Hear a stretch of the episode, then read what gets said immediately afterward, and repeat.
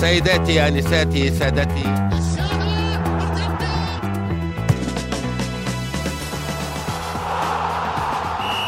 السلام عليكم ورحمة الله وبركاته، أسعد الله أوقاتكم بكل خير، هذه حلقة جديدة من بودكاست مرتدة التي تأتيكم من شركة ثمانية للنشر والتوزيع. حلقة تأتي بعد مباريات القمة في الجولة 27 واللي شهدت تعادل الهلال والاتحاد في مباراة الكلاسيكو التي أقيمت في الرياض. وشهدت أيضا فوز مهم للنصر أمام الطائي في حائل واللي جعل الصراع على لقب الدوري من هنا إلى الثلاث جولات الأخيرة مشتعل جدا كون فارق اليوم ثلاث نقاط فقط ما بين الاتحاد والنصر. مع تبقي ثلاث جولات تسع نقاط في الملعب ممكن أي شيء يحدث في هالمباريات سيناريو الموسم الماضي أعتقد أن الاتحاديين لا ينسونه اللي حصل ريمونتادا من الهلال الموسم الماضي من الممكن أنها تعطي أي فريق آخر سواء الشباب أو النصر اللي يبدو أقرب بكثير الفرصة والأمل أنه أنت من الممكن أن تعود مرة أخرى على الأقل الثلاث جولات القادمة بنستمتع فيها وبيكون فيها ندية عالية جدا وممكن لقب الدوري ما يحسم إلا مع الصافرة الأخيرة. عن هذه المباريات راح نتكلم في هالحلقة رفقة العزيز بندر المشرافي صبحك الله بالخير أبو علي. صباح النور السرور أبو علي. شوفك البارح محتار ما بين المباراتين، أنا إنتر وميلان نصف نهائي دوري أبطال أوروبا آخر مرة شفت الإنتر في نصف النهائي متى كانت؟ 2010 2010 كان عمري تقريبا 17 سنة. شايف أوه. كيف عشان كذا صعب أتركها. أها فحدث كبير وزامنت مباراة الكلاسيكو الهلال والاتحاد وأيضا كان في موجود مباراة النصر والطائي وش تابعت؟ وشلون تابعت؟ أنا, أنا عندي شك ترى انك إنك ركزت على مباراة الهلال. أنا كنت فاتح فاتح شاشتين صراحة. فاتح مباراة الهلال وفاتح بس في فارق زمني نص ساعة. حلو. أعطانا شوي يعني أريحية على مع اللي بين الشوطين مع, مع, مع الوقت مع الوقت الضايع الطويل اللي في الدوري السعودي عكس ال Champions League تعرف الوقت الضايع أو أو الوقت الفعلي ما تم تطبيقه لسه. بس بشكل عام أنا يزعلني صراحة توقيت المباريات في بعضها في الدوري. يعني الساعة 9 ونص وقت صراحة متأخر. اتكلم بكل وضوح وقت متأخر كان ممكن تكون في وقت أبكر من كذا يعني الساعة السابعة الساعة الثامنة الساعة حتى لو لو ثمانية ونص. حتى لو كانت في وأنت عندك بعد قمة و Champions League نصف نهائي يعني في نهاية الأمر هذا منتج دوري. والدوري هذا أنت تحتاج تسوقه في كل العالم ومو بس محدود على على السعودية وحتى كل العرب. فلما يكون في مباراة نصف نهائي بين الإنتر وميلان ومباراة ما تتكرر تقريبا في كل أو في تاريخ ال Champions League ثلاث مرات صارت. فتحط معاها قمة في, في الدوري السعودي أو قمتين في الدوري السعودي ممكن تحسم اللقب أو تقرب نادي للقب. بصراحه أنا ما شايف أي تبرير ممكن تحط تخلي فيه هذه المباراة في هذا التوقيت أو في توقيتين متوازيين. يعني ما الأفضل تسويقا للدوري يعني حتى أفضل لك حتى على مستوى المشاهدة. يعني ارقام المشاهدة راح تقل بناء حتى التفاعل في تويتر في ال social media راح يقل بناء على على أنها تقام في نفس التوقيت وتوقيتين توقيتين متقاربه. شوف ممكن تتفق معي في الشيء إي شوف هي الفكرة إنه أول شيء المباراتين تحتاج إنك تلعبها في نفس الوقت لأنه في تنافس ما بين هالناديين على لقب الدوري فبتلاحظ من هنا إلى نهاية الموسم إنهم كل مبارياتهم بتكون متزامنة في نفس التوقيت. بيقول لك أحد إنه أيضا لأنها في وسط الأسبوع أيام دوام فبالتالي تحتاج المباريات مثلا تكون بعد صلاة العشاء بحيث أنه الموظف مثلا يطلع من دوامه يرتاح في البيت بعد ذلك ممكن يتوجه للملعب ويحضر المباريات. ولكن أنا أعتقد أن مباريات بهذه القيمة هي تسوق نفسها بنفسها. بمعنى أنا ما أتكلم هنا جماهيريا أتكلم عن الحضور في الملعب. هلال واتحاد صدقني لو أنت حاطها ستة ولا سبعة ولا ثمانية الجمهور راح يبرمج نفسه ويومه على إنه يجي يحضر المباريات مرة مهمة. ووجود النصر في حايل مع كريستيانو رونالدو يضمن لك إن الملعب يمتلي لو أنت بتلعب مباراة الساعة 2 الظهر يعني. فبالتالي أنت ما عندك تخوف كبير جدا على موضوع إنه بيجي حضور ولا ما بيجي حضور بريح الجمهور ولا ما بريح الجمهور. أنا أشوف إنه جدا مضر للدوري إنك تلعب في توقيت نصف نهائي دوري أبطال أوروبا. من الممكن لما قررت المباريات أنت لسه ما أنت عارف مين بيلعب لكن فرضا مثلا لو الريال والسيتي العالم كله بيتابع الريال والسيتي. ممكن لو كانت القرعة مثلا فريقين مع كامل احترام الميلان والإنتر مثلا تكلم بايرن مع برشلونة مثلا لأنك انت مبرمج قبل يعني قبل لا تعرف وش المباريات اللي راح تكون في هذا اليوم تحديدا. فأنا أشوف إنه مضر والأوروبيين محددين مواعيد مبارياتهم ممكن من سنة تقريبا. فأنت يعني كان عندك حلول عديدة. يعني تفهم يقول لك والله إحنا قاعدين نلعب وسط الأسبوع لأنه خلاص الدوري لازم نقفل قبل جون بحكم إنه راح يكون في أسبوع فيفا.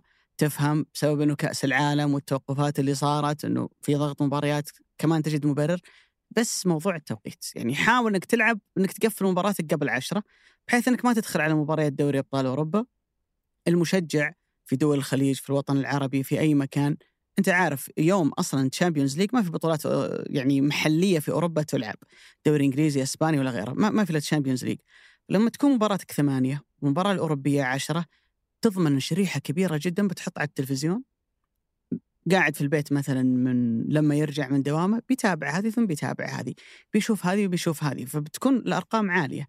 فأنا أتفق معك صراحة جدولة حتى الدوري الفرنسي جدولته غالبا مباراة باريس ما تقام مع مباريات قمم في في الدوري الإنجليزي وحتى الدوري الإسباني، يعني حتى هم يهتمون ل- لجودة منتجهم عشان يكون له شعبية وجماهيرية كبيرة، وأنت هدفك الأساسي أصلا من الدوري من الدوري ومن خلينا نقول جلب النجوم ومن ومن تقوية الدوري هذا كله، هدفك انتشار وتوسع وإنك تكون ضمن أفضل عشر دوريات في العالم. وبتصير أنت جزء من العالم مستقبلا. يعني أنت الخطة الفترة القادمة إن مبارياتك تتابع في عدة دول. تنقلها عدة قنوات وتسوقها على مستوى عالمي ف على الأقل مثلا زي كلاسيكو هلال الاتحاد تحتاج إنه يكون في وقت يعني معظم الناس تقدر تتابع فيه. أتوقع أبو علي الجدل ما كان بس على ذا الموضوع كان في جدل كبير في المباراة على موضوع الهدفين اللي أحرزها الهلال. أنا بصراحة ما أتذكر إني شفت في مباراة واحدة هدفين تحتاج فيها إلى تقنية يسمونها عين الصقر أو تقنيه خط المرمى عشان تتأكد إنه الهدف دخل ولا لا. هدفين في مباراة واحدة لنفس الفريق. هذه بصراحة قليل جدا تشوفها في الكورة. وشوفها كم تكلمت في تويتر وأكثر من شخص تكلم إنه التقنية هذه لو كانت موجودة كانت تحسم الجدل ما راح يكون في تأخير. أه، حتى موضوع حسم الحالة أنا مؤمن إنه بالتقنية هذه بيكون الحكم دقيق 100% باستخدام الفار والاعتماد على الكاميرات بيكون 80 90% لأنه هذه بالملي. لو في ملي واحد من الكورة ما تجاوز الخط ما راح يحسبها لك هدف. بوجود الفار أنت تراجع كاميرا وعين بشرية وتحاول تقدر لا من الزاوية ذي أوضح لا ذي أوضح. ف وش رأيك في صارت في الموضوع؟ ال Premier League أبو علي؟ الموسم الماضي إذا ما خانتني الذاكرة الموسم الماضي. أنا ما أدري مباراة مين. أتوقع نيوكاسل. سجل هدف تقريبا هذا هو الهدف الوحيد من تقريبا آه يعني هي واحد من ألف. هذه هي الواحد من ألف اللي كرة دخلت المرمى وعين الصقر ما جابتها. ليش؟ لأن عين الصقر إيش تعتمد عليه؟ تعتمد على كاميرات. كاميرات موزعة في أطراف الملعب. وتستشعر وشريحة في الكرة تستشعر الكرة نفسها. فلما يكون في لاعب مغطي على كل الكاميرات من كل زاوية كاميرا في لاعب مغطي والكرة ما تنشاف فحتى لو دخلت الكرة هدف ما راح تشوفها. نفس الكلام على على الفيديو. ولكن أنت شفت رأيي وأنا حسيت إنك ما ما عجبك رأيي علي لا قل لي وش كان رأيك الناس شوف. اللي اللي ما شافت التغريدة طيب. كرة القدم بشكل عام تتطور سنة بعد سنة. التطور جالس يعيشه كرة القدم في أوروبا مش عالي جدا قياسا بالتطور جالس يصير في أمريكا على مستوى الألعاب الأخرى. يعني كرة القدم باعتقادي لو كانت لعبة أمريكية على سبيل المثال كان ممكن يشوفها في مكان أعلى وأعلى وأعلى على مجال التسويقي على مجال التطور على مجال أمور كثيرة يعني تقنية الفيديو أو الفي إي آر هذه التقنية المفروض تكون في كرة القدم من عشر سنوات. ليش توها تجي كرة القدم؟ هذه هذا المفهوم الأوروبي الأوروبيين بشكل عام دائما يعيشون على التاريخ ودائما يرفضون أي فكرة جديدة ولا يحب ولا يحبذون أي فكرة جديدة ولا يتبنونها حتى لكن مع مرور الزمن يتعودون عليها ثم تكون جزء من حياتهم تقنيه الصقر بدأت في الأساس 2001 في لعبة الكريكت تحولت بعدها لاكثر من لعبة من ضمنها التنس إلى أن دخلت كرة القدم أنا لما أقول لك أحتاج عين الصقر أتكلم عن دوري سعودي متابع من كل العالم وأنت مستهدف إنك تكون جزء من إنك تكون الدوري الأقوى في العالم. فلازم إنك تعطي الميزة الإضافية اللي أنت تحتاجها تكون موجودة في الدوري، يعني ممكن في ناس تقول لك والله الدوري الأسباني ما في تقنيه عين عين الصقر. الدوري البرتغالي ما في صحيح ما في تقنيه عين الصقر، بس هو اوريدي دوري فارض نفسه والناس تتابعه وتحبه، بس أنت تحتاج تفرض نفسك، لازم تعطي شوي ميزات إضافية تبين إنك فعلا تقنيا جاهز لمثل هذه البطولات، لمثل هذه المباريات وعندك خلينا نقول كيف أقول لك كيف أوصل لك بالي، عندك قوة بس في مسألة في مسألة تجهيز المباريات. أو في مسألة حتى الكاميرات توزيعها وفي مسألة بعدين الاصطفات. تجي تقول لي الجانب الآخر مكلفة هذه التقنية غالية آه، مين يتحملها؟ أوكي هي مكلفة تقريبا الدوري الإسباني من الأسباب اللي تخليهم ما يسوون هذه هذه التقنية هي إن سعرها تقريبا 2 مليون ونص في السنة. اتحاد الاسبان بشكل كامل؟ في الموسم الواحد بس بشكل كامل؟ بشكل كامل 2 لا مليون. أعتقد انها أكثر من كذا. ممكن تكون توصل إلى إلى 3 ممكن مليون اثنين بس ونص مليون على كل نادي كل ملعب. يعني اللي, اللي أسمع إنه الأرقام أعلى من كذا بكثير يعني الدوري كامل اثنين ونص مليون أتوقع الاسبان ما عندهم مشكلة يعني. وبالمناسبة هي أصلا هي الراعي في الدوري الإنجليزي للتقنية هذه اللي هي ال Electronic Arts حقت لعبة فيفا. السنة الجاية هي أصلا بتشتري مسمى الدوري الأسباني بيصير الدوري الاسباني الإسباني يحمل مسماه فممكن إنها تضاف لكن ترى في الغالب إنه شركات هي اللي تتكفل فيها لأنه بالنسبة للأندية إنه كل نادي يدفع الموضوع بيكون شوي مكلف يعني هي هي المشكلة وين؟ المشكلة في الدوري الإسباني إنه الرابطة تقول على الاتحاد والاتحاد الإسباني يقول لا أنت الرابطة تدفعها هذه جوهر المشكلة، المشكلة الثانية إيش اللي عندي أنا؟ إن تقنيه عين الصقر تستخدم في الدوري في السعودية هنا في بطولات مختلفة ثانية. يعني في في السوبر الإسباني في السعودية هنا استخدمت تقنيه عين الصقر. في أكثر من- حقة المرمى ولا التسلل؟ حقة المرمى حقة okay. المرمى. فهذا هذا جانب غرابة. تقنية عين الصقر عين الصقر راح تفتح لك آفاق جديدة على مستوى النقل. أنت تتكلم الآن الدوري السعودي يحتاج إنه يروح لل HD يحتاج تروح لل out focus في في الإعادات في لقطات المدربين. جالس تشوفها في, في, في كل الدوريات العالمية. محتاج تروح حتى تقنيه الواقع المعزز تقنية الواقع الافتراضي. تقنية الشعور بأحاسيس اللاعب دقات القلب الركضة صوت الهواء وهو قاعد يتنفس. ممكن تكون مستقبلا في كاميرا على اللاعب كاميرا على الحكم. تشوف زاوية زاوية اللاعب لما نفذ تسديده هل كان يشوف الزاوية مفتوحة ولا لا. يعني كرة القدم هذا المفروض تروح لهذا ال level. ليش تروح لهذا ال level؟ لأنك إذا ما قدرت تتطور خلال السنوات الجاية الخمس العشر الجاية أنت راح يدخل عليك منافس شرس ومنافس قوي ألا وهو ال e-sports ال e e-sports وتكلم عن شريحة كبيرة من المجتمع أنا ما أتكلم عني عن إحنا شيبان يا sport إحنا كبار يا أبو علي. اشرح لي اياها وش هي ذي ال e ال- sport خلينا نقول الألعاب الإلكترونية بشكل عام. آه يعني ال video games يعني الف- بتاخذ مكان الكورة كمتابعة وكذا. كمتابعة وك... وكشريحة أكبر لأن نتكلم عن ترفيه والترفيه جزء منه الرياضة وكرة القدم. ممكن ماخذ حيز كبير من السوق الرياضي ولكن لما يدخل عليك الجيمنج وهي تعتبر آه، لعبة رياضية الآن فلها جمهور صغير جالس ينشأ. الجمهور ذا جالس يعيش فيها. فلما الان تكمل آه، خلينا نقول تاخذ سنوات تكون بيئة لها هنا يكون لها جمهور ضخم جدا. يكون إحنا ما نشعر فيه أنا وياك بحكم إن كبرنا شوي بس الجيل الصاعد هذا لما يجي عمره 30 40 بعد سنوات طويلة تلقاها هي اللعبة الأفضل بالنسبة لهم وتقل كرة القدم. فأنت محتاج عشان تعزز من قيمة اللعبة وتجذب لها تجذب لها جماهيرية كبيرة أنك توسعها على مستوى النقل وعلى مستوى أمور كثير جدا من ضمنها هذه الأشياء. طيب اسمح لي أختلف معك أبو علي. اولا فيما يتعلق بال الأمريكان والأوروبيين يعني أعتقد إن فرصة إنك تطور من بطولة في بلد واحد، البلد هذا هو يمكن أقوى اقتصاد في العالم، بلد قوي جدا ماليا مقتدر مختلف تماما عن إنك تبغى تدخل تقنيات في لعبة تلعب في كل مكان في العالم، وإذا قلنا مثلا إنها في أوروبا مثلا بلغاريا رومانيا اقتصادها مش مثلا زي ألمانيا ولا فرنسا. فأنت تبحث عن نموذج تقدر تطبقه في كل مكان في مسابقاتك كلها. في دوري أبطال أوروبا بكرة ممكن تلاقي فريق مثلا بلغاري واصل نصف نهائي دوري أبطال أوروبا، طيب هل تضمن إنك تقدر إنك تهيئه بالتقنيات هذه؟ فهم يحسبونها من هذا من هذا ال- الجانب عشان كذا ممكن تلاقي إن كرة القدم دائما متأخرة شوي في الموضوع لأنه يقول لك ما يبغى يصير في كرة قدم للنخبة كرة قدم للبسطاء لأنه أصلا جوهر اللعبة وسبب شعبيتها هي سهولتها مرميين وعشب وكورة و11 لاعب وقضينا يعني حوش تلعبها عادي. إي بالضبط يعني فشوي يمكن ما هم ميالين إلى إلى تعقيد ال- الموضوع. عن استخدامها التقنيه في الدوري السعودي أنا سألت يعني عدة أشخاص موجودين يعني في المجال الرياضي. أول شيء لو لو وجدت عندنا فهي من اختصاص الاتحاد السعودي لكرة القدم وليست من اختصاص رابطة الدوري المحترفي. تبى اسمها حق جد.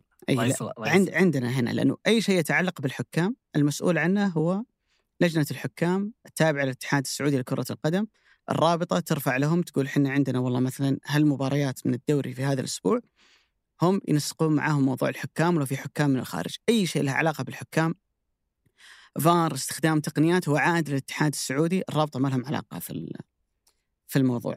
التكلفة الأرقام اللي أنا أقولها تقريبية. وارجع أقول سألت الرقم التقريبي هو مليون ريال سعودي لكل مرمى.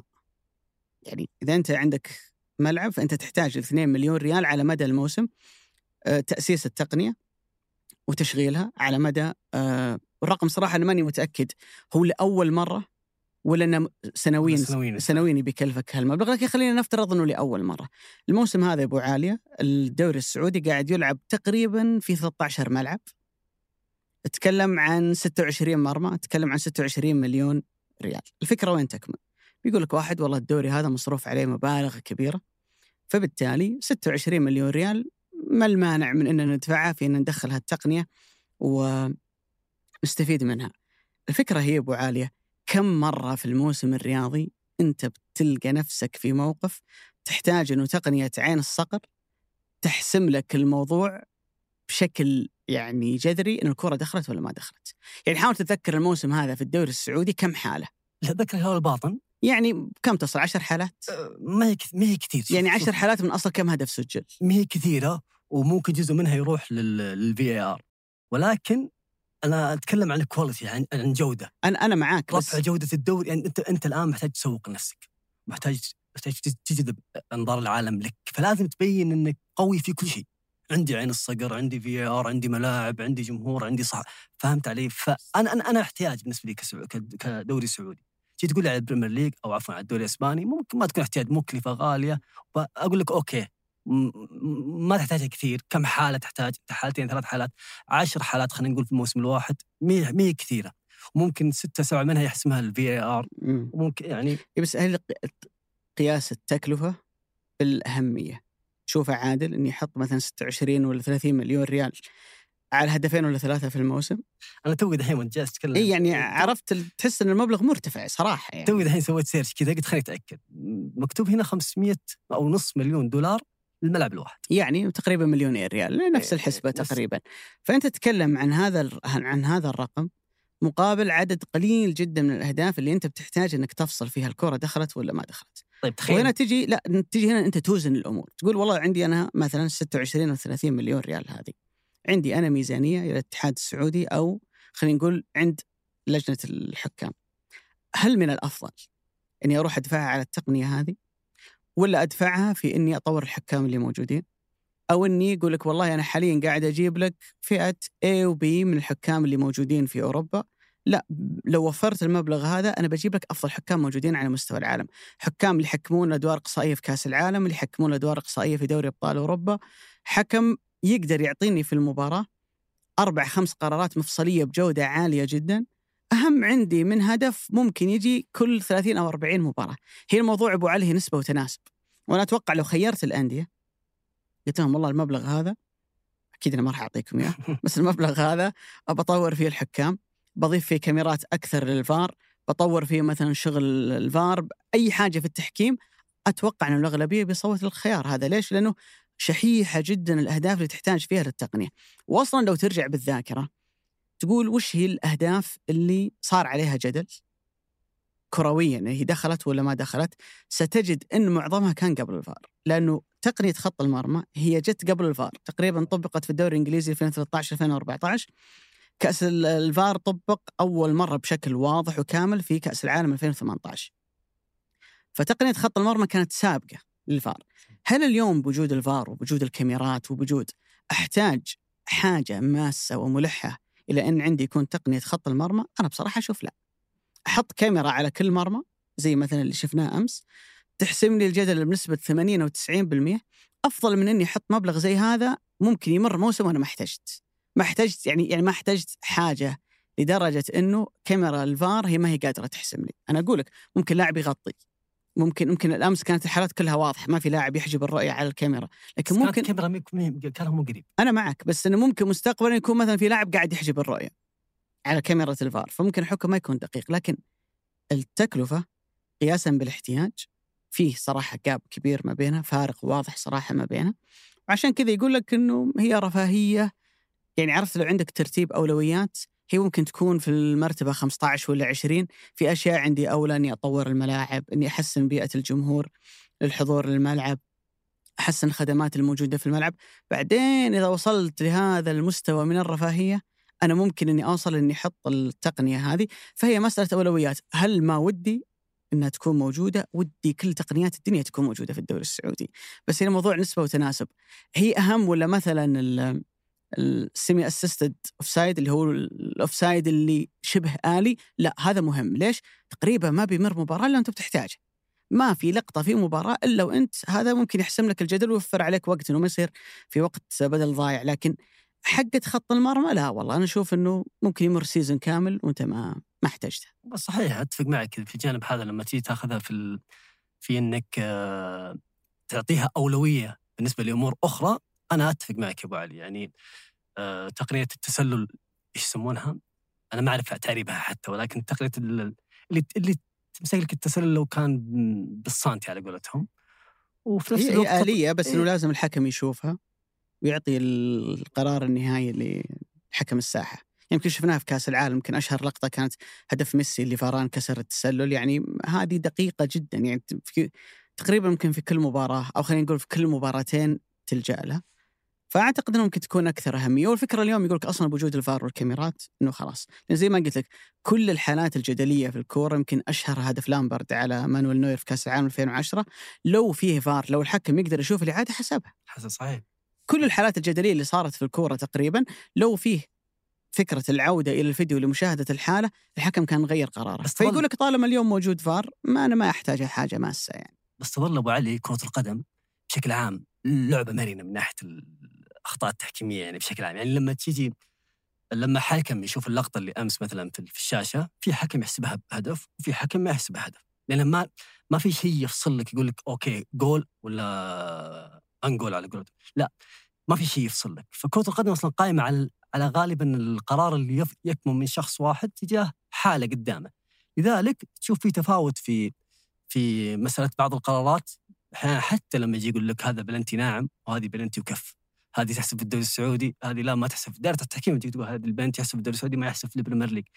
هذا يعطيك على إن كرة القدم أصلا هذا يقودني ترى موضوع ثاني مرة تحتاج تطوير على مستوى القرار ال- الأنظمة التحكيمية في القرارات. يعني لازم تكون يعني بنسبة كبيرة تبعد عن ال- ال- الرأي الشخصي اللي فيه أو التقدير الشخصي. لما يجي الحكم يقول لي okay هذه بلنتي بحسبها. ولما يجيك دوري ثاني لا والله ما يحسبها في الدوري الثاني. ليه؟ ما ما في ما في يعني سبب صريح وواضح يقول لي هاي تحسب في الدوري هذا وهاي تحسب في الدوري. بينما بشكل بشكل عام هذا واقع جالسين نعيشه ونشوف تقدير بشري يعني أكيد بلا شك.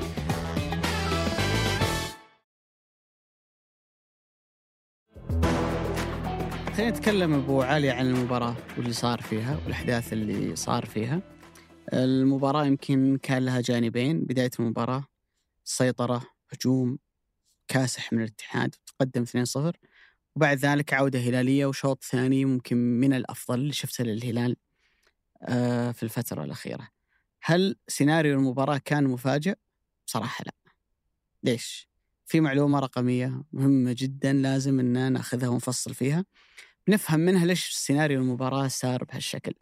لعب الاتحاد بتاريخ 18 مارس ضد الفتح في الحسا.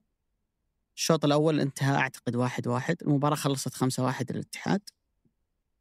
في الشوط الثاني الاتحاد سجل أربع أهداف وعمل انقلاب في المباراة وكسب ذيك المباراة في الحساء كان في تخوف آه، في ذيك المباراة. تعرف الاتحاد الموسم الماضي تعثر أمام الاتحاد الفتح الأربعة. الفتح اي في حسار 4 4 أنا ليش أتكلم عن هالمباراة؟ وأخذها كذا كنقطة زمنية أنطلق منها لأنه مر عليها شهرين ذي المباراة. في آخر شهرين تخيل أبو عالية إن الاتحاد لعب سبع مباريات سجل فيها 14 هدف. تسعة من ال 14 يعني تقريبا الثلثين سجلت في أول 30 دقيقة من زمن كل مباراة. وخامسه فقط اللي سجلت بعد الدقيقة 30 تاخذها شوط أول شوط ثاني 10 أهداف سجلت في الشوط الأول وأربعة سجلت في الشوط الثاني. ولو بتفصل فيها تلاحظ إن الأهداف اللي سجلت في هالفترة اللي هي الشوط الأول أو أول 30 دقيقة عمليا هي اللي كانت تحسم مباريات الاتحاد. يعني ناخذها مثلا إنه بعدها لعب الاتحاد آه، مباراة مع ضمك فاز فيها 3-0. الهدف الأول 4 دقيقة 14 الثاني دقيقة 37 معناته أنت خلصت المباراة من شوطها الأول اللهم إنك أضفت الهدف الثالث في دقائق المباراة الأخيرة تقريبا دقيقة 87. المباراة اللي بعدها كانت مع الوحدة الاتحاد فاز 2-1 سجل الهدفين دقيقة 20 دقيقة 30. المباراة اللي تكلم عن المباريات اللي فاز فيها الاتحاد واللي سجل فيها. الاتحاد والشباب انت سجلت هدف الأول دقيقة 16 وبعدين عدل عليك الشباب. الشوط الثاني كنت مثلا قريب إنك تفقد نتيجة المباراة لولا إنك عدت في آخر الدقائق بلنتي في الدقيقة آه، 116 أمام أبها أنت فزت بأربعة بس ثلاثة منها كانت في أول نص ساعة وأمام الهلال أنت سجلت هدفين الاثنين كلها كانت في أول نص ساعة. وفي المباريات هذه كثيرا ما نحط الاتحاد في موقف إنه يقدم شوط أول جيد ومن ثم يتحمل عبء المباراة في شوط المباراة الثاني. وين صار هالكلام؟ صار في مباراة الوحدة اللي سجل اثنين وعاد عليك الوحده في شوط المباراة الثاني واستبسل الاتحاد دفاعيا وقدر نخلص المباراة 2-1 صار في مباراة الشباب اللي لعب ضدك الشباب في الجوهرة شوط ثاني ممتاز ولولا ممكن بلنتي بوبنزا كان ممكن المباراه راحت للشباب وصار في مباراة الهلال الهلال عامل عليك انقلاب كبير في شوط المباراة الثاني وضغطك وضيع فرص كثير إلى أن قدر انه يأخذ نتيجة المباراة 2 2 هذا كله تأخذه كسياق يوضح لك إنه الاتحاد قولها كذا بشكل مبسط تحس إن الاتحاد كما لو ان سيارة بنزينها بدأ يخلص. فريق ما عاد يقدر يلعب 90 دقيقة بنفس المستوى ولا يقدر يلعب 90 دقيقة بنفس الرتم. وفي جانب ملامه صراحة هنا على نونو سانتو. الشيء اللي مش في يد نونو سانتو انه صراحة ما عنده دكة بدلاء قوية. والشيء اللي مش في يد نونو سانتو إن معدل أعمار الفريق كبير. تكلم عن كل اللاعبين الأجانب السبعة اللي قاعدين يلعبوا لأن هيلدر كوستا ما يلعب كثير كلهم فوق ال 30 سنة. فتتكلم عن سبعة من أصل 11 كلهم كبار في السن. يمكن اللاعبين السعوديين أصغر عمرا وإن كان عمر هوساوي لما يشارك أيضا متقدم في السن. هذه أشياء مش في يد نونو سانتو لكن اللي في يده هو توزيع المجهود في المباراة.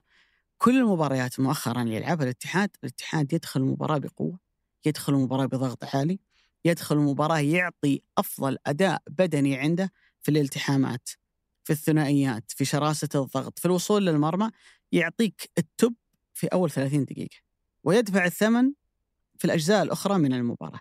يعني أعتقد الهلال أمس لو كان أجهز بدنيا لو كانت مفاتيح الهلال الخطرة في حالتها البدنية يعني ماريجا مش مرهق بعد مباراة الوحدة يقالوا في أفضل حال بدنية لو كويار موجود لو لو لو ممكن الاتحاد ترى كان يفقد نتيجة هالمباراة.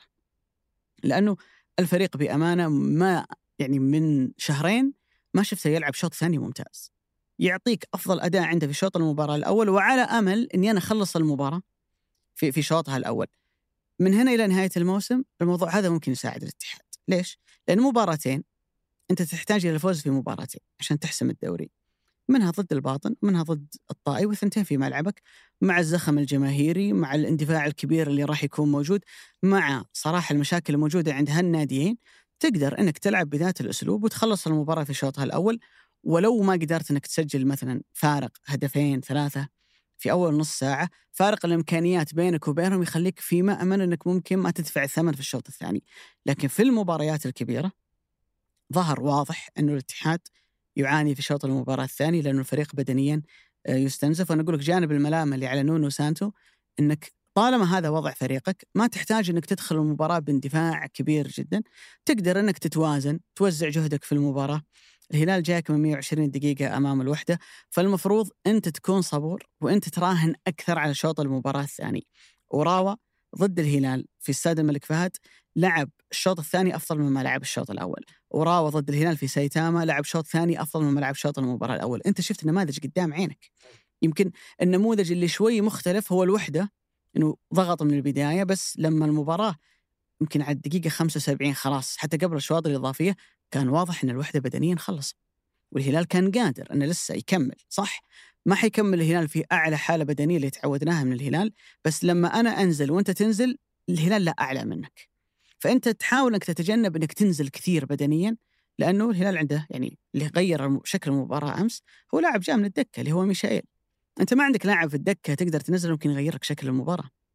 فبالتالي يعني الفكرة العامة إنه يقول لك والله نونو سانتو تغييرات خبص ما أدري إيش لا الموضوع متكرر. الموضوع قاعد يصير في آخر شهرين مع الاتحاد واللي بأمانة تحس إنه الفريق بدنيا قاعد يصير مع شيء قريب من اللي صار الموسم الماضي إنه في انهيار قاعد يصير على نهاية الموسم بدليل إنه آخر ثلاث جولات فيها تسع نقاط الاتحاد جاب أربع فرط في خمس.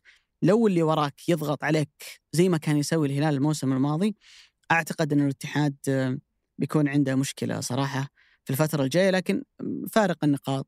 ممكن المباراة الجاية لو يفوز ويخسر النصر الدوري يخلص فعنده أكثر من من خيار أكثر من فرصة إنه يخلص الدوري ولكن اللي صار العام واللي صار السنة هذه يعطي دلالة واضحة للاتحاديين للعمل الموسم الجاي دكة وتقليل معدل أعمار الفريق قدر المستطاع.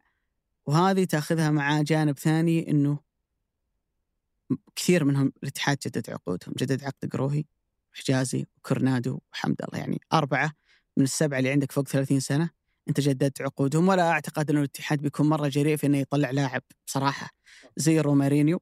يعني ممكن ممكن إذا أنت مرة ضحيت ضحي بطارق حامد وبرونو هنريكي تظل عندك نفس المشكلة إنه خمسة من ال- الثمانيه الاجانب الموسم الجاي عندك فوق 30 وأعمارهم كبيرة، أنت تشوف إنه فعلا له تأثير هالموضوع؟ أقل خلينا نقول أقل أقل سكواد من حيث القيمة الفنية في أرض الملعب الأندية تنافس على الدوري خلينا نقول الهلال نصر اتحاد والاتحاد أقل قيمة فنية؟ أقل قيمة أقل أسماء يعني نتكلم عن جودة اللاعب المحلي في الهلال والنصر أعلى جودة اللاعب الأجنبي في الهلال أو خلينا نقول اسم قيمة أسماء لاعب أجنبي في الهلال والنصر أعلى بينما الاتحاد كان ذكي جدا في السنوات الماضية. يعني أربع لاعبين موجودين الآن في التشكيل الأساسي واللي يعتبروا هم المؤثرين أو الاكثر تأثير تكلم عن كورنادو حمد الله رومانينهو وطارق حامد جايين من دوريات عربية. فهنا ميزة الاختيار اللي, اللي تم بناء الاتحاد عليه من الفترة الماضية. إنك كنونو سانتو كمدرب الاتحاد ولست المفضل خلينا نتكلم بكل واقعية. ولست المفضل انك تكون بطل الدوري قياسا بحجم المنافسه العالي تكلم عن هلال ونصر جالسين يدفعون مبالغ كبيرة تكلم ما قبل الموسم.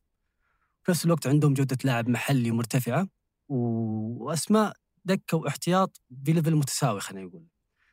فكان في صعوبة في في عملية كيف إنك تنافس ها- هالناديين تحديدا. اختيار نونو سانتو للاتحاد كان اختيار مثالي. أنا أتكلم في السياق الزمني الأول لانك مم. كنت ما شاء الله أنت وابو وابو سعود وابو علي تكلمتم كثير عن عن نونو سانتو. فخليني أخذها بالمجمل بعدين بعطيك رأيي في المباراة. فجيه نونو سانتو كانت ذكية من اداره الاتحاد. نونو سانتو طبعا استخدم أساليب لعب كثيرة وشفناه يعني كان مرن جدا تكتيكيا. لعب بال 3 4 3 لعب بال- بالخمسة بالخمسة 3 2 لعب بال 4 2 3 1 لعب 4 3 3 يعني كان مرن جدا تكتيكيا وقدر يكون هذا الفريق أو هذا هذه المجموعة بخصائص مختلفة في أرض الملعب. وقدر إنه يوصل إلى إصدار الدوري تكلم عن ثلاث جولات قبل النهاية. جيت اتكلم عن أهم الميزات اللي صنعها نونو سانتو في الاتحاد أنا شايفها ثلاث ميزات رئيسية. الأولى انه خلق فريق صلب في الملعب تحديدا دفاعيا. نادر يكون تحت التهديد وتحت الخطر، نادر يكون عليه تسديدات على المرمى، والدليل على ذلك كروهي 13 هدف استقبل، يعني نتكلم ما ما مداه نص هدف في المباراة الواحدة،. تكلم عن 13 هدف الهلال بطل دوري العام وقبل العام 27 28 هدف استقبل. هذا الجانب الدفاعي. الجانب الآخر هي التحولات السريعة اللي قدر من خلالها إنه يحسم كثير من المباريات وقدر من خلال إن كثير من المباريات ما يكون الطرف الأكثر استحواذا ما يكون الطرف الأكثر مبادرة مع أندية أقل وقدر يفوز مباريات. الميزة الثالثة واللي أعتقد أعطت الاتحاد نقاط كثير هذا الموسم وحسمت أمور كثير للاتحاد وهي بتخليك آه، على قولتهم تصدمك رقميا. تكلم عن 54 هدف اتحاد هذا الموسم 25 منها كانت من كور ثابتة. أوه. الميزة ال- العبقرية اللي صنعها نونو سانتو في الفريق نونو سانتو جاي من وين؟ جاي من ال Premier League. عارف ميزة الكرة الثابتة؟ وين ممكن توديك كم تحسم لك مباراة؟ يعني كم تتذكر مباراة يا أبو علي؟ حسمها أحمد حجازي بركنية بالرأس. كثير. أنا أتذكر ثلاثة وأربعة. كثير. الان كذا وكلها كلها في الوقت القاتل يعني في أوقات كان الفريق صحيح. يعاني فيها. خاصة بداية الموسم. تحديدا بداية الموسم بالضبط. الميزة هذه اللي نقلت نادي ليفربول إنه يكون نادي ينافس على لقب الدوري إلى انه يحقق الدوري. جاب كلوب جيرو, مار... جرونمارك الاخصائي الكره الثابته وكان ترتيبهم 11 في الدوري. صاروا أفضل فريق سجل أهداف بالكره الثابته راح بيب جوارديولا ونقل نفس المعرفة إلى فريقه وجاب. جوفر. جوفر نقلهم من أهداف 6% من الركنيات إلى أهداف 13% من الركنيات. نفس. الكلام. أرتيتا لما جاء أرسنال لقى أرسنال في المركز قبل الأخير في الأهداف الركنيات. ورفعهم إلى المركز الثالث مع جوفري اللي تزامن معه وقت ما كان في السيتي. شايف الميزة هذه هذه الميزة الإضافية اللي فوز ايطاليا بكاس كاس اليورو السابق يعني اليورو السابق 30% من اهداف منتخب إيطاليا كانت كور ثابتة بما في ذلك هدف النهائي هذه الميزة الإضافية أعطت الاتحاد العديد من النقاط وخلته قريب من المنافسة وقلت شيء الفوارق الفنية اللي بينه وبين الأندية الأخرى. في هذا السياق. تسعة من الأهداف من ال 25 هدف اللي سجلها الاتحاد كانت ركنيات 12 هدف كانت من نقطة الجزاء. الرقم صادم 12 هدف بلنتي من أصل 14 بلنتي تسجل الاتحاد هذا الموسم. 12 14 تتكلم عن كل بلنتي كل مباراتين. ضربة مم. جزاء الاتحاد في كل مباراتين رقم كبير. ولكن اجمالا لو تنظر له بشكل عام في الدوري السعودي الدوري السعودي ثاني أعلى دوري في العالم تحصل على ضربات جزاء. والمقياس هنا تتكلم عن 178 دوري دوري الدرجه السفلى كل دوريات العالم تقريبا الاحصائيه هذه من 1 1 2020 حتى يومنا هذا من الأول أول دوري المصري الثاني. الدوري السعودي. بل... كريمين ما شاء الله البلنتيات. بلنتي في كل 107 و178 دقيقة. لا مش كريمين. هذا ناخذ السياق اللي كنت أتكلم فيه قبل شوي يا أبو علي. لما نقول لك هذا بلنتي ناعم هذا بلنتي كف. هذا مم. بلنتي ما يحسب في الدوري السعودي هذا بلنتي يحسب في ال Premier League. إحنا عندنا ليونة شوي في في حسب ضربات الجزاء. يعني غالبا البلنتيات ال- اللي اللي يسمونها أنا أنا ضد المصطلحين هاي. بلنتي ناعم مم. بلنتي لا. لا ضدها. بس غالبا بلنتي الناعم يحسب عندنا بكثرة بس في. دوريات أخرى ما يحسب صحيح. فأعتقد الاتحاد أو نونو سانتو أخذ الاتحاد إلى مرحلة عالية جدا وصل للأجزاء الأخيرة من الموسم أمس مباراة أمس وفي السياق الزمني أمس الاتحاد لو لو استشعر بس مشكلة الهلال اللي كانت في المباراتين السابقة مشكلة وسط ملعب اذا ضغطت عليه أو خنقته أو حاولت تمارس عليه ضغط عالي أو ضغط في أماكن معينة أو على لاعبين معينين أنت ممكن تفق... ممكن خلال تاخذ الكرة وتسجل أو حتى تحرمه من انه يخلق أي فرصة. هذا الشيء صار للهلال في المباراتين السابقة. ومع ذلك في نفس المباراة أول خمس فرص اتحاد خطيرة على مرمى الهلال كانت مقطوعة من وسط ملعب الهلال واحدة من صحيح. واحدة من آه، من عبد الله طيف. عبد الله عطيف واحدة من المعيوف لعبها طولية صحيح. خاطئة وواحدة منها جاء منها الهدف. فالاتحاد ما استغل هذه الميزة أنا لو كنت مكان نونو سانتو راح ألعب بعد ما سجلت 2 بداية المباراة راح أزيد الضغط الفريق أول شيء متوتر مرهق تعبان آه، ما عنده ذيك العبقريه الكبيره في خط الوسط. وكل نادي يضغط عليه في خط الوسط دائما يرتكب أخطاء ولا يقدر يخلق فرص، فأنا أستمر في الضغط أسجل الثالث الرابع. متى جت الهزة للاتحاد في هذه المباراة؟ أو متى حس الاتحاد إنه انه استشعر خطورة الموقف أو خلينا نقول ال- اللي نقلت المباراة من مرحلة إلى مرحلة ان الهلال يكون هو الطرف الأفضل هو الهدف. والهدف أنا ما أدري صراحة هل اللعبه مقصودة أو لا، في ظني غير مقصودة ولكن هو هدف غير شكل المباراة. اول أول ما جاء الهدف وحسب الحكم جاني شعور زي كذا عرفت شعور اللاعب الاتحاد اللي أنا خايف من الفشل مم. أكثر من إني عندي رغبة وحافز بالفوز. الخوف من الخسارة وإني أمر بسيناريو قاسي نفس اللي مر عليه الموسم الماضي غيابي عن الدوري 14 سنة الهواجيس هاي ترى أصعب. بطولة ممكن تحققها تجيك بعد فترة غياب طويل جدا وبعد مم. بعد خلينا نقول محاولات كنت قريب وطحت زي الهلال في آسيا نفس ريال مدريد في. ال Champions League لما كسرت العقدة هذه قدر يفوز مرة ومرتين فكان الخوف أو أو النادي اللي كان عنده تضحيات كبيرة اللي كان يلعب جوع اللي كان يلعب برغبة أكبر فجأة كذا بعد ما سجل الهلال الهدف الأول حسيت إن كل شيء ينهار فريق خايف متوتر قلق تعليمات اللعيبه كلام كثير في الملعب. مم. حتى على مستوى تنظيمهم اللي كان من أفضل الفريق من أفضل الأندية على مستوى التنظيم الدفاعي حسيت إن الفريق مو مو واقف صح في أرض الملعب. في خوف من الفشل. وعكسه نونو سانتو بطريقة اللعب اللي لعب فيها المباراة وتكلم عن الرسم بالخمس مدافعين أو حتى مع معطي- معطيات المباراة إنك ما أخذت زمام المبادره وبادرت أكثر وأكثر بالهجوم. في السياق الآخر ممكن يتحمل لاعبي الاتحاد جزء يعني من الخسارة أو يعني هامش خسارة جزئي بحكم إن في فرص كثير سهلة سنحت لهم في المباراة ما قدروا يستغلونها. تجي عند ما بعد هذه المباراة ثلاث جولات. الأفضلية نادي الاتحاد على مستوى على مستوى الثلاث نقاط زيادة.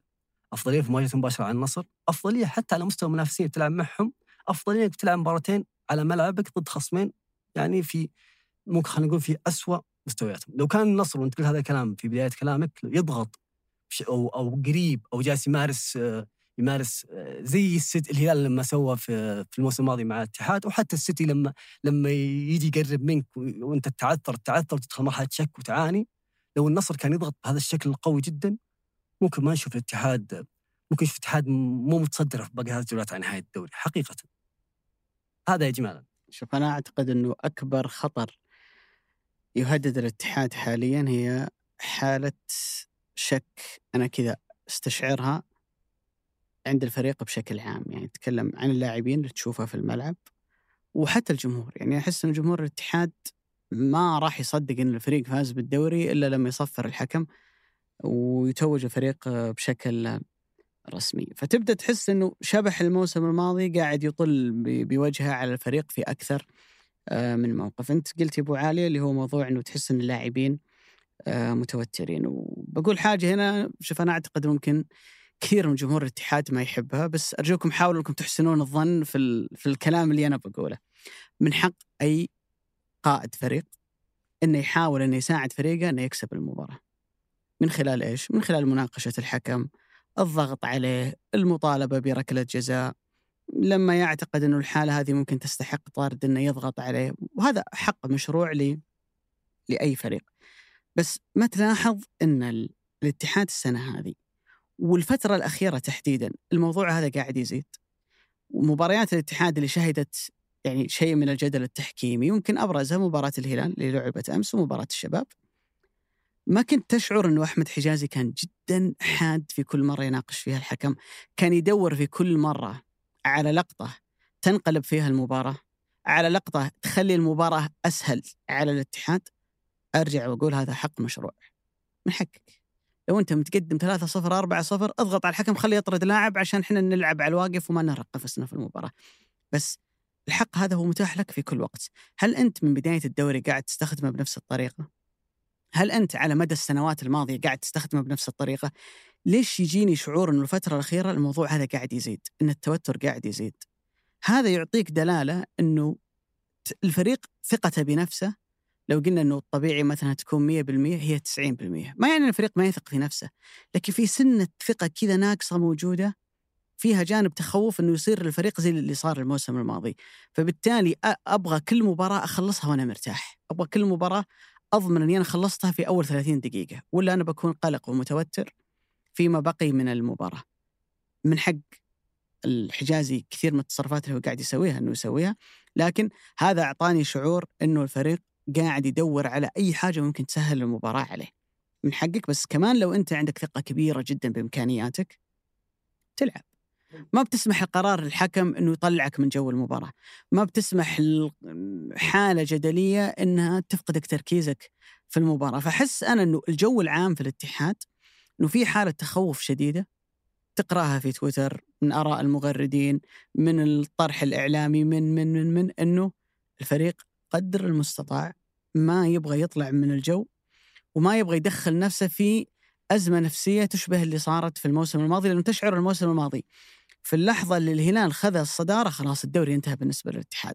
ما آمن إنه ممكن يرجع الهلال يتعثر مرة ثانية وأنا أرجع آه، أقلب الأمور. فأعتقد إنه هالموضوع نفسيا يحتاج الاتحاد إنه يتجاوزه ويحتاج إنه آه ذهنيا يجهز نفسه لكل مباراة لأنه تكلم اليوم إحنا خلاص باقي تقريبا أقل من أسبوعين فيها ثلاث مباريات فالضغط بيزيد يعني ما بين كل مباراة ومباراة في وقت زمني أقل وفيها واحدة من المباريات تلعبها ضد الفيحة على ملعب الفيحة وأنت تعرف المناوشات اللي صارت بين الاتحاد ستوكيفيتش حارس الفيحة اللي يحب كثير إنه يعني يستفزهم ويلعب معهم هالنوع من المباريات فتحتاج إنك تركز ذهنيا في الفترة القادمة.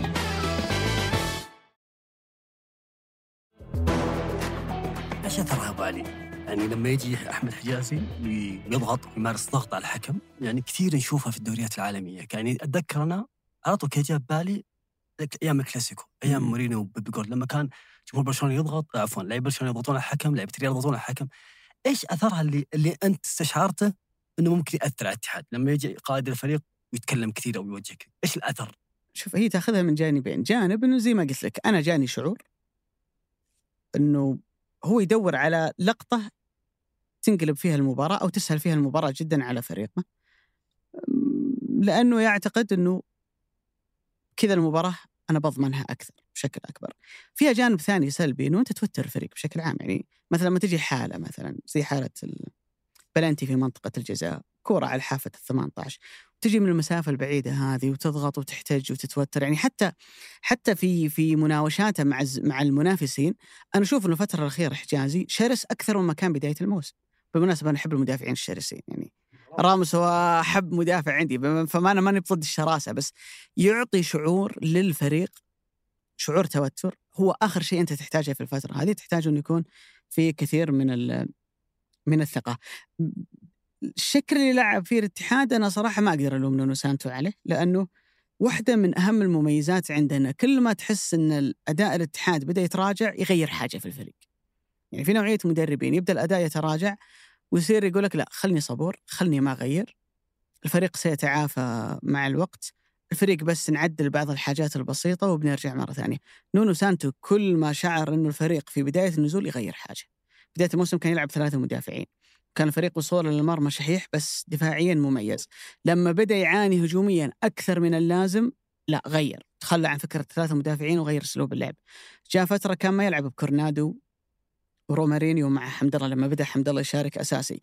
بعدين حس إنه المنظومة عشان تتفاعل هجوميا بشكل أكبر احتاج كورنادو. بس كورنادو بوظفك في مركز متأخر. لاعب ثمانية أو في بعض الأحيان حتى يلعب كلاعب محور.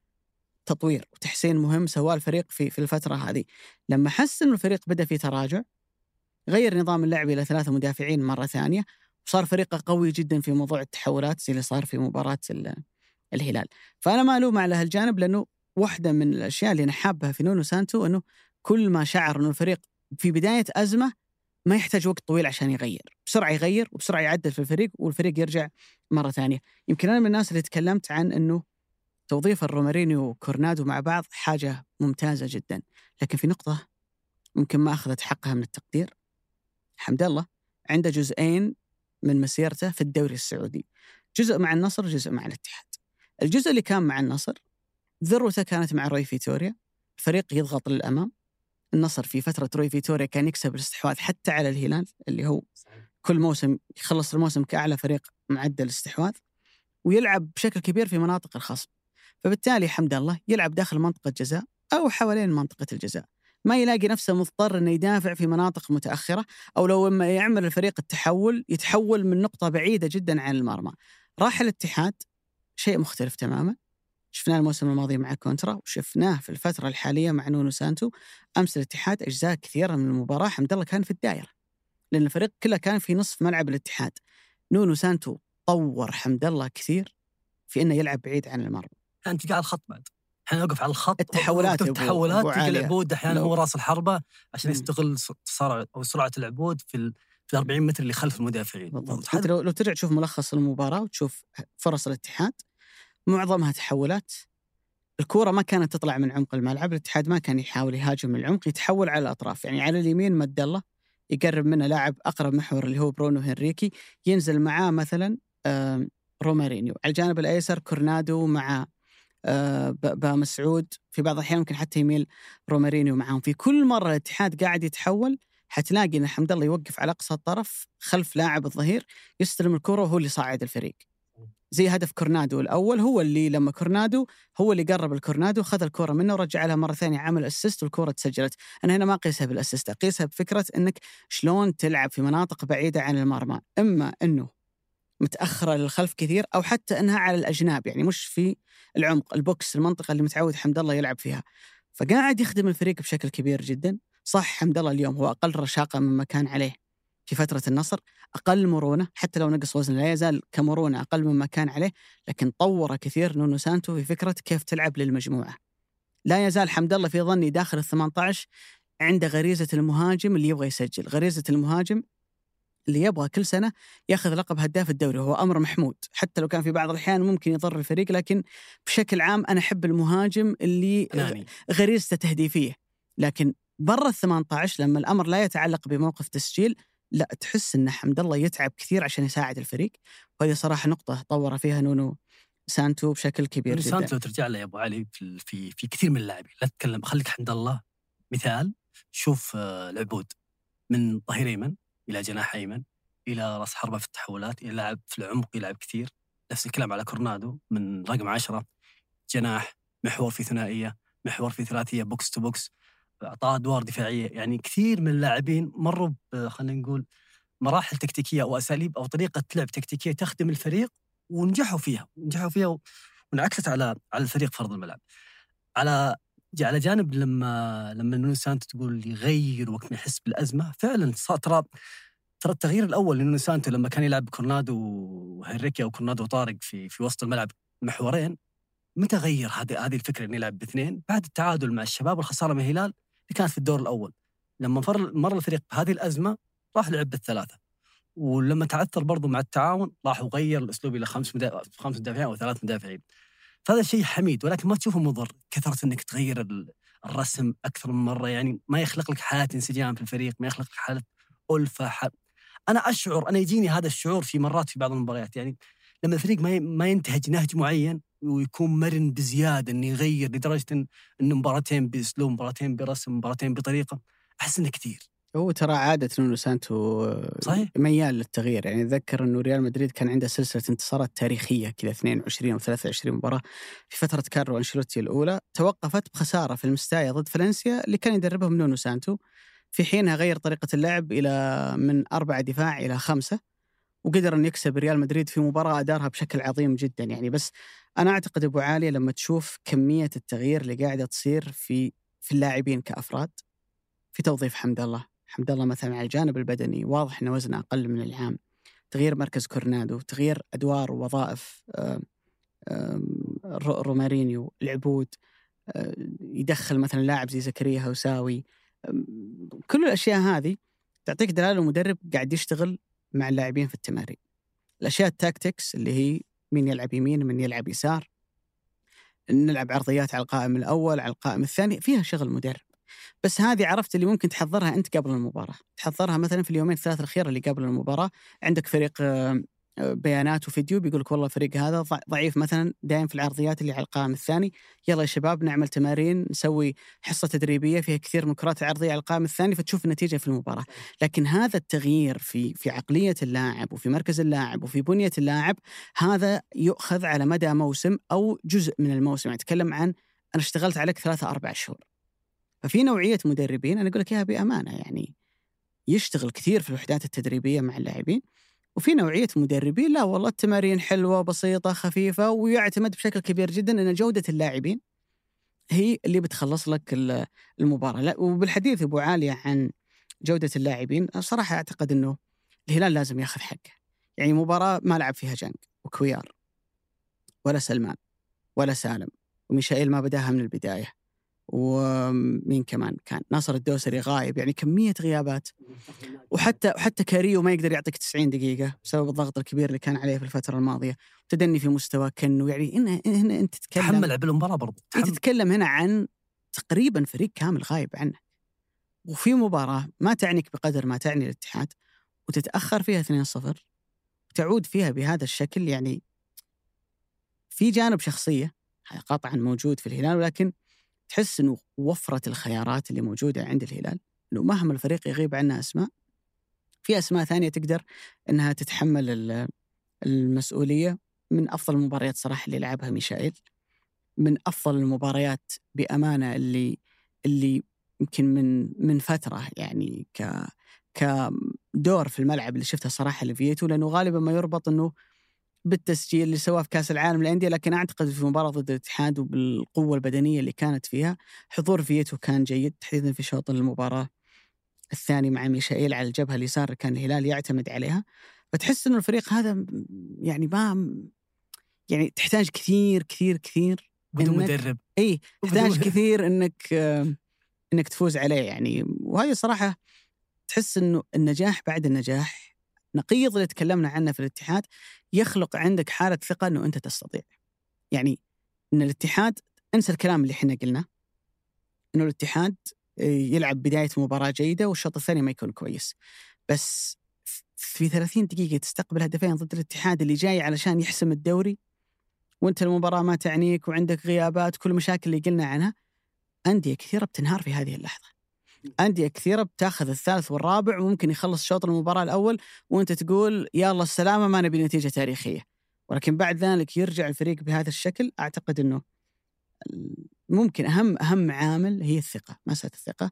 واللي بتلحظ يمكن قبل أيام الحلقة اللي سجلناها إنه بغيابها ضد الوحدة أنت تعاني وبحضورها مع كل هالغيابات أنت تقدر ترجع لأنها تلعب فارق ودور مهم جدا في في مسيرة كل نادي ال- ال- الهلال الموسم هذا بأمان بما تكلمنا عن الظروف عانى كما لم يعاني أي نادي آخر يعني في شيء أنت تقدر تقيسه على موضوع الإصابات جزء منها توفيق جزء منها إرهاق ولكن على الأقل الحقيقة الملموسة اللي أنت كذا تقدر تمسكها في يدك وتقيسها قياس واضح ودقيق اللي هي ضغط المباريات اللي كان موجود على كل نادي.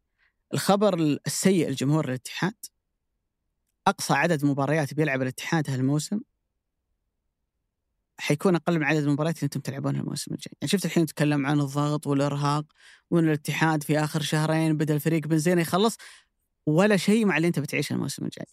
ليش؟ الإتحاد هالموسم بيقفل موسمه ب 35 مباراة 30 جولة في الدوري لعب ثلاث مباريات في كأس الملك ولعب مباراتين في كأس السوبر كل موسمك من بابه لمحرابه 35 مباراة الموسم الجاي عندك 34 جولة في الدوري على أقل تقدير بتلعب الست مباريات اللي في دور المجموعات في دوري أبطال آسيا هنا 40 مباراة. لو طلعت من كأس الملك أول مباراة والسوبر أول مباراة وكأس العالم للأندية أول مباراة معناته موسمك السنة الجاية بيكون فيه 43 مباراة. ثمان مباريات زيادة عن موسمك الحالي. هالضغط من المباريات هو ترى اللي قاعد يعيش فيه الهلال كل موسم؟ هالموسم أقصى رقم بيوصله الاتحاد زي ما قلنا؟ 35 النصر 34 الشباب بحكم انه لعب في آسيا ولعب أربع مباريات في البطولة العربية 37 الهلال حيقفل موسمه ب 44 مباراة. يعني أعلى بعشر مباريات من النصر وبتسع مباريات من الاتحاد اللي هي بالتفصيل بالنسبة للهلال. 30 مباراة في الدوري خمسة في دوري أبطال آسيا مع النهائي أربعة في كأس الملك ثلاثة في كأس العالم للأندية. مباراة في كأس السوبر كانت أمام الفيحة ومباراة اللي كانت أمام الزمالك في كأس السوبر المصري الوسيل البعض ممكن يقول لك مباراة ودية. المهم بالنسبة لي هل هي مباراة أنت تعاملت معها ولعبت فيها بأفضل تشكيلة وكانت كرتم بنفس رتم المباريات الرسمية؟ نعم إذا هي حمل بدني عليك. فالهلال هذا هو الوضع اللي قاعد يعيشه كل موسم. الهلال معتاد على هذا الوضع ويبني فريقه بناء على هذا الأساس. لكن بالنسبة للأندية الأخرى أنت تقدر تنافس لما يكون ضغط المباريات عليك قليل. السنة الجاية بسبب وجود دوري أبطال آسيا على مدى الموسم كاملا لأن سابقا كنا نلعب المجموعات في نهاية الموسم والإقصائيات في بداية الموسم الجديد. لا السنة الجاية كلها بتكون داخل الموسم نفسه. فممكن تفرق مع الأندية الأخرى وهي صراحة نقطة لابد أنها تقال عن الهلال إنه بسبب هالموضوع بسبب عدد لاعبيه الموجودين في المنتخب اللي أكثر من غيره ينحط في هالمواقف اللي بصراحة قل ما تشوفها صراحة يعني يعني إنك تضطر تلعب قلب دفاع اللي هو خليفة الدوسري ظهير أيسر. أمس نشوف محمد بريك لاعب محور. آه، في مباراة مثلا زي مباراة أوراوا اللي كانت في سيتاما عبد الله الحمدان اللي ما يبدأ أساسي ابدا في مباراة بهذا الحجم واعتمد عليه جناح أيسر يعني. الهلال جرب مختلف الظروف هذا الموسم. عبد الله حمدان لاعب ظهير أيسر في ضد الوداد في في كأس العالم للأندية. يعني شوف هنا يجي دور ترتيب الأولويات.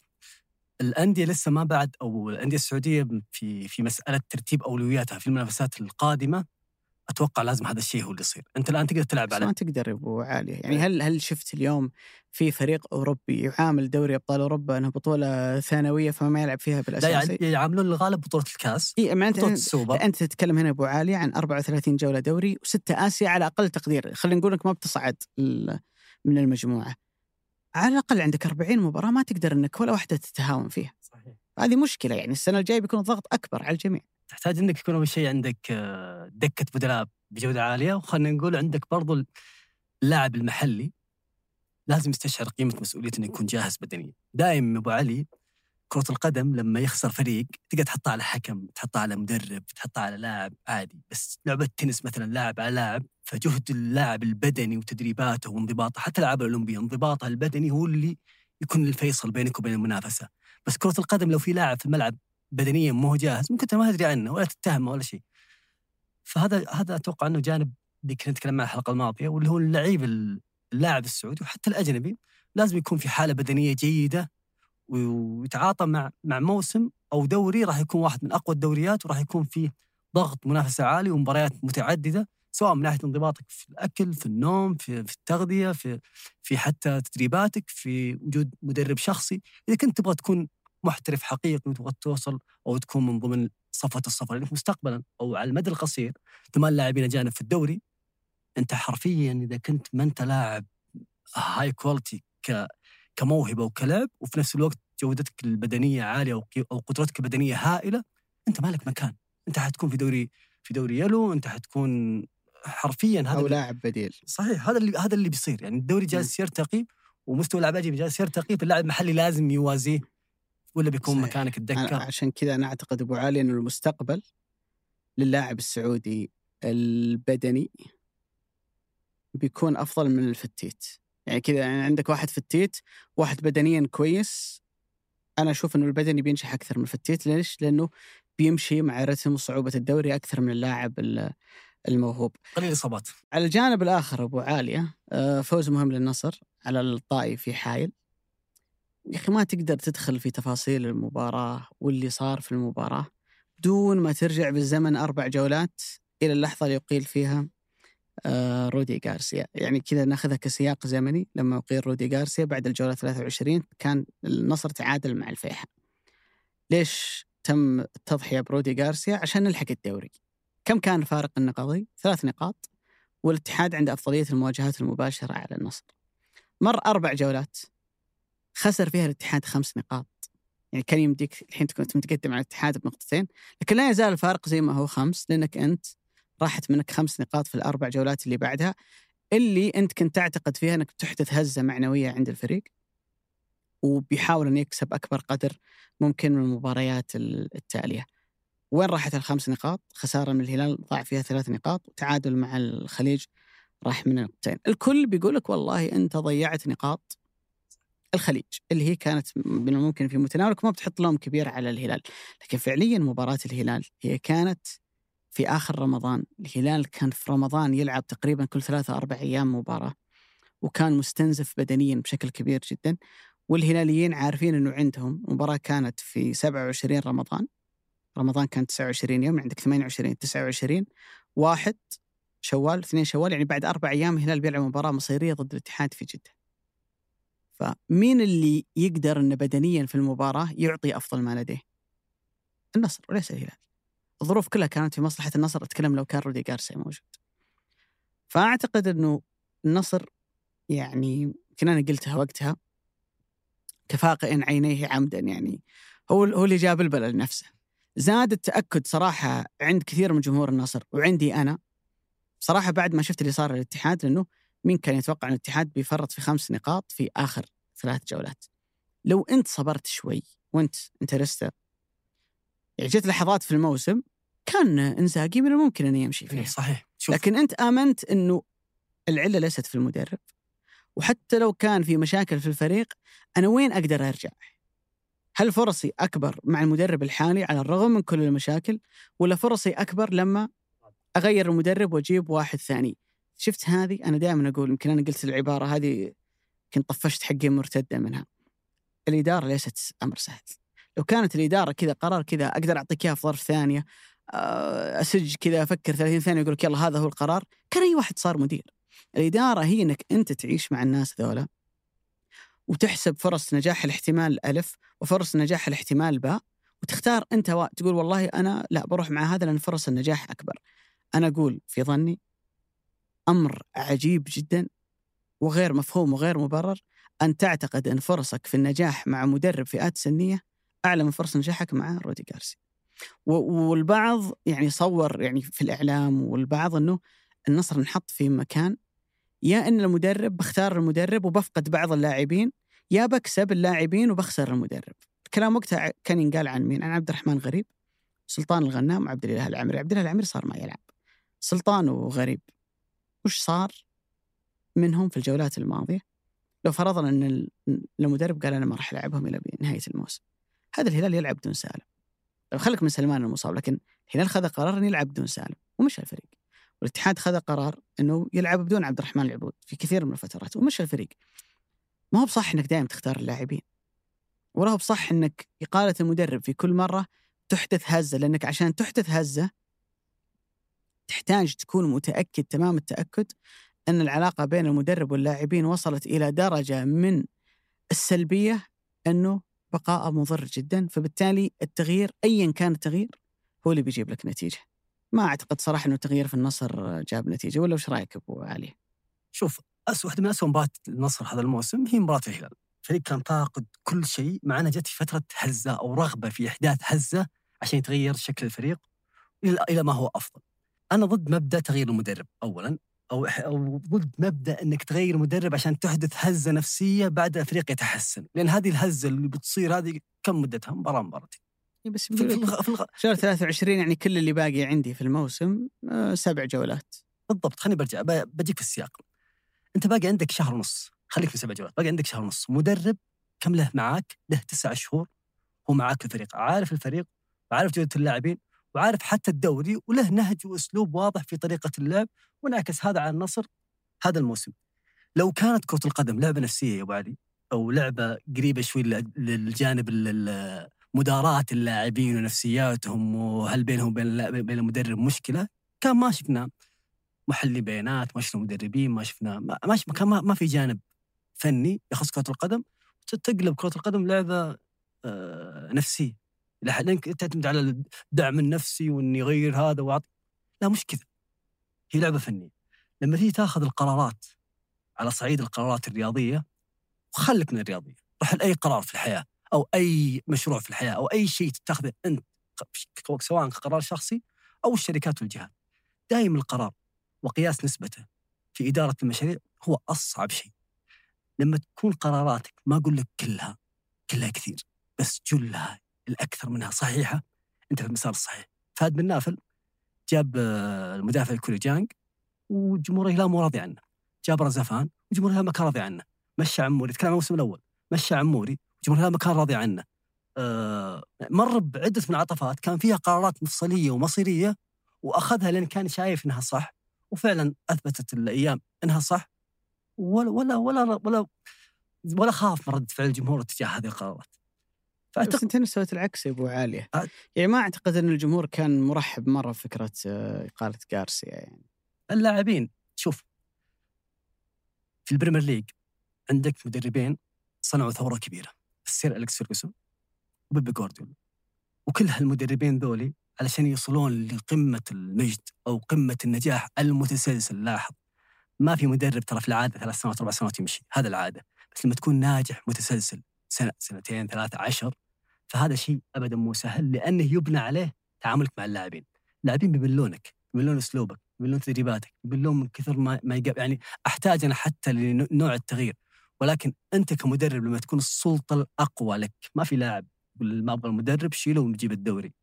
لما تكون أنت القائد لما أمشي أنا كانسلو اللاعب الأميز عندي في نص الموسم أنا عندي استحقاق دوري لاني قريب منه وعندي Champions League أحلم بتحقيقه وعادي ولا عندي مشكلة. هذه القرارات الجريئة لما لما يصير الكس فيرجسون يمشي يمشي فان نيستلروي وبيكهام في في مشكلته الاخيره في مشكلته اللي صارت بين ولا ولا خاف حتى من السلطة الأقوى بيد إيه المدرب ولا أقوى من أي لاعب وأقوى من أي نجم ومن أي أحد ثاني يعني. ما خاف من هذا. ليش؟ ليش أبو علي؟ لأن اللاعب أو المدرب متى ما كانت عنده السلطة الأعلى متى ما كان مسار الفريق في الطريق الصحيح. شوف تشيلسي مثال آخر. تمرد على مورينيو تمرد على كونتي تمرد على من بعد ساري تمرد على المدرب الأخير لامبارد تمرد على حتى توخيل. يعني ثقافة النادي صارت تمر متمردة. وراح يظل ثقافة النادي متمرد. تستمر هذا الشيء لأن لأنه يكون جزء من الكيان. ما تقدر تطلعها من عقل اللاعبين. ما تقدر يعني تحتاج وقت عشان تخلي اللعيبة يؤمنون بالعكس. يؤمنون إنه المدرب اللي بيجي أقوى من أي أحد آخر. أحيانا أنت ممكن مثلا كذا تجتمع مع اللاعبين. يا شباب ترى المدرب ذا بيد الصلاحيات وبيده وبيده وبيده. مهما قلت ما راح يؤمن اللاعبين إلى أن يرون الأمر رأي العين. بمعنى إنه يصير في أزمة والأزمة هذه في المعتاد أنت تغير فيها بس يختار النادي إنه ما يغير يقولك حتى لو خسرت لقب دوري قاعد أنافس عليه بس عشان إيش؟ عشان أوصل لبقية العناصر أن ترى الموقف ذا لو تكرر عشر مرات ما راح أختار في كل مرة إني أمشي المدرب لأنه مهما قلته أنت ككلام ما راح يؤمنون إلا لما يصبح واقع لما أنت تضحي ممكن بلاعب لاعبين في سبيل أنه تثبت أنه سلطة المدرب أعلى من أي أحد آخر. بعطيك أبو عالية سياق زمني. يمكن كثرنا اليوم سياقات زمنية. لكنها تدعم فكرة أنا أعتقد إنها موجودة في النصر إنه قرار إقالة المدرب هو قرار انفعالي أكثر من كونه قرار مدروس. كم مدرب فئات سنية شفته يدرب نادي كبير عندنا في السعودية خلال السنوات الماضية؟ قياسا كم مدرب فئات سنية يحصل على ترقية إنه يلا يا كابتن لم اغراضك وانتقل من المكتب هذا تراك بتصير مدرب الفريق الأول اللي قاعد يصير في النصر كثير. خلينا نبدأ من موسم 18 19 الموسم اللي تغير فيه كل شيء في الدوري السعودي. بدأ النصر الموسم مع كارينيو بعدين أقيل من اللي خذ مكانه؟ كان قبله هيلدر البرتغالي اللي هو كان مدرب فئات سنية أو مشرف الفئات السنية أو شيء زي كذا بعدين جاء روي فيتوريا في اللحظة اللي يقيل فيها روي فيتوريا من اللي مسك التدريب؟ ألين هورفات اللي كان مدرب فئات السنية في نادي النصر بعدين خلص الفترة الانتقالية اللي موجودة عنده وجاء مانو مينيزيس. لما أقيل مانو مينيزيس من اللي درب الفريق؟ مارسيلو مدرب فئات سنية أو مدير رياضي يعني واحد كذا موجود داخل النادي بس هو مش مدرب فريق أول. بعدين جاء بيدرو إيمانويل. لما قيل بيدرو إيمانويل من اللي درب؟ مارسيلو مرة ثانية. بعدين جاء روسو بعدين غارسيا ومن ثم قيل وأيضا جاء اللي هو جلتش أو يلتش والله ما أعرف كيف أنطق اسمه اللي هو مدرب الفئات السنية اللي كان موجود في النصر. كم كبير جدا من مدربي الفئات السنية أو شخص موجود داخل النادي بما يسمى مدرب طوارئ يمسك مقعد تدريب نادي النصر في السنوات الأخيرة يعني تكلم عن آه، هيلدر هورفات مارسيلو في مرتين ويعني تكلم عن خمسة أو ست مرات صار معك الموضوع في آخر خمس مواسم. كثير جدا بالنسبة لفريق ينافس على الدوري في كل سنة. ليش قلت القرار انفعالي؟ لأنه القرار له جزئين. يمشي فلان بيجي فلان. في النصر غالبا القرار إنه يمشي فلان بس ما ندري من اللي بيجي. المهم عندنا إن هذا يمشي. المهم إنه هذا بكرة ما يجي. وليحدث ما يحدث بعد ذلك. طيب أنت جربت هذا الحل لأكثر من مرة. هل كان يجدي؟ هل كان يعطي نتائج باهرة جدا؟ ما أشوف صراحة إنه كان. يعني مثلا الهلال الموسم الماضي.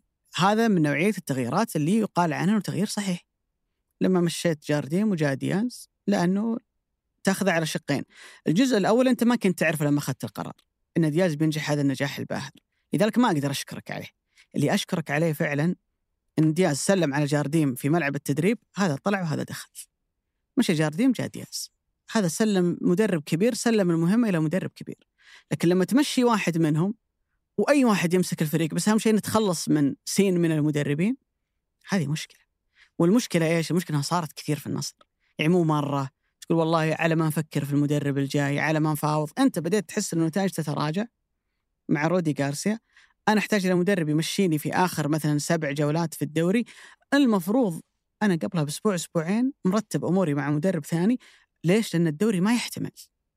لأن لو تعثرت المباراة الجاية وصل الفارق إلى ست نقاط خلاص أنا ممكن الدوري يكون انتهى. فأعتقد إنه هذه أضرت بالنصر وأعتقد إنه كثير من القرارات اللي من هالنوع إنه تؤخذ في لحظة انفعال. صحيح. لأن لو كانت مدروسة ما ما تتم بهذا الشكل. والدليل انها دائما تجي بعد آه، قريب خسارة بعد خسارة قبل منافسة قوية وبطوله قوية. يعني قالت آه، مانو كانت قبل قبل آسيا قبل آسيا قبل آسيا. وأنت مخليه بادئ معك مو نهاية الموسم الماضي ثم خليته الصيف مع إن في جدل عليه كبير مرة. السنة الماضية أربع مدربين. السنة هذه مدربين. وبيدور النصر في دوامه تغيير المدربين ما أتوقع يتخلص ترى ترى بالمناسبة إلا النظام عندنا يمنع إن مدرب يدرب فريقين في نفس الموسم. يعني مثلا زي بيدرو إيمانويل. لو هو متاح واحد زي بيدرو مثلا من المدربين اللي يقيلوا هالموسم. رزتش حق ضمك ولا بيبا مدرب الطائي ولا يعني واحد كذا كان موجود في الدوري. ممكن كان النصر يعني يجيبه إنه يمشي مع الفريق إلى نهاية الموسم لكن النظام إنه يمنع. غريبه يمنع أذكر شماسكا درب الهلال في درب فيصل والهلال في موسم واحد. لا أنا أعتقد إنه بعدها صار ممنوع. ما يقدر المدرب يدرب أكثر من فريقين في نفس الموسم. أه، وسألت عن هالموضوع لما النصر قال رودي غارسيا. سألت يعني شخص في الاتحاد السعودي وقال لي إنه لا إنه ما في ما في ما في مدرب يقدر يدرب فريقين في نفس الموسم الرياضي في نفس الدوري اللي هو دوري الروشن للمحترفين.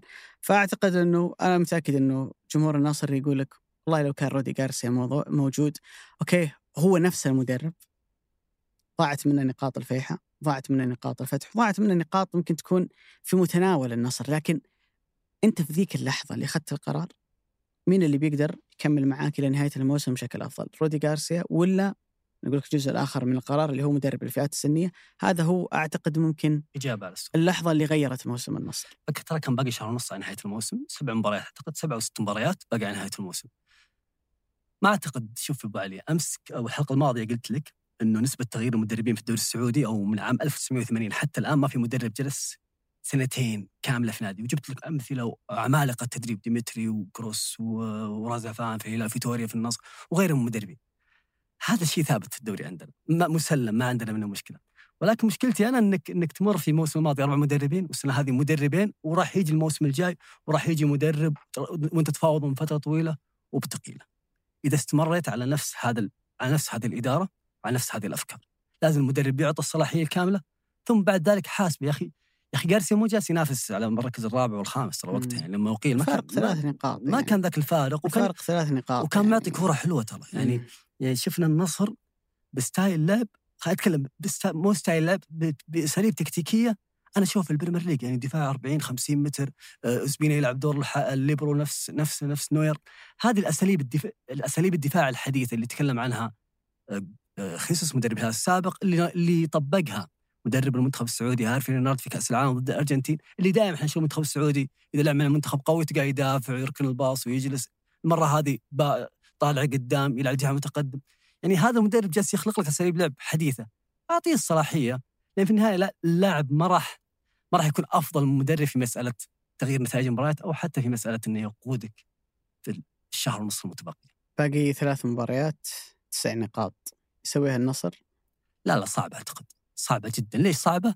أفضلية النقاط أول شيء الاتحاد. مم. يعني يحتاج أفضل- الاتحاد أفضل- يتعثر في مباراتين. أف... شوف أفضلية النقاط أفضلية برضو ال- ال- المواجهات المباشرة سهولة المنافسين لنادي الاتحاد إضافة لأن عنده مباراتين في ملعبه.